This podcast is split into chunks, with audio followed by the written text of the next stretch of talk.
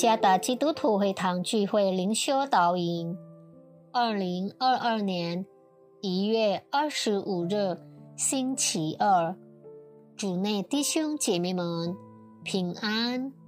今天的灵修导引，我们会借着圣经提摩太后书第四章第十节来思想今天的主题：爱上帝。或爱世界，作者朱思杰传道，提摩太后书第四章第十节。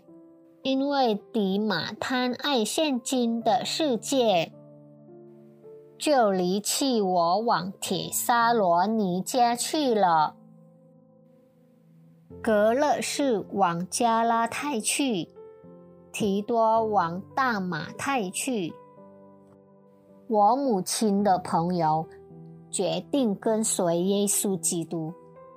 在她的丈夫有婚外情并离开她之后，她决定受洗并成为一名基督徒。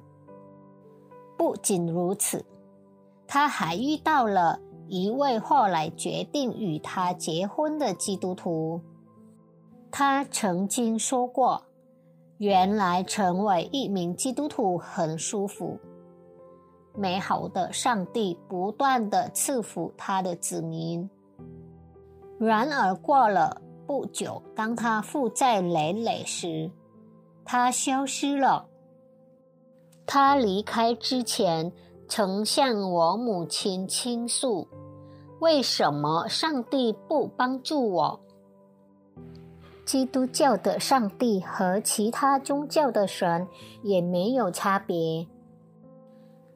迪马开始是保罗忠实的门徒，他曾多次陪伴保罗的侍奉旅程，甚至当保罗必须经历监禁，并且无法继续从一个城市到另一个城市旅程时。他被认为是一个重要且非常有帮助的人。然而，显然在他的旅程中，迪马选择了爱世界过于忠于上帝。迪马探爱现今的世界，就离弃我。短短的一句，却充满了失望和悲伤。保罗感到遗憾的是，迪马宁愿享受现世的快乐，过于上帝所启示的国度时即将到来的世界之美。被世界的美丽和快乐所迷惑的迪马综合症也会发生在任何人身上。无论是刚信主或已经跟随主几十年的人，亦然。撒旦总是试图让上帝的儿女们离开上帝，并再成为他的跟随者。透过金钱、地位、职位、性诱惑等等。都可能成为撒旦的圈套，来诱骗上帝的儿女离弃他们的信仰。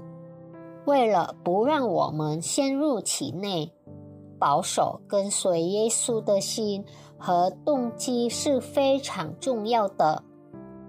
此外，请记住，世俗的享乐只是短暂庸俗的乐趣。千万不要用短暂的世俗享乐代替永恒的保障。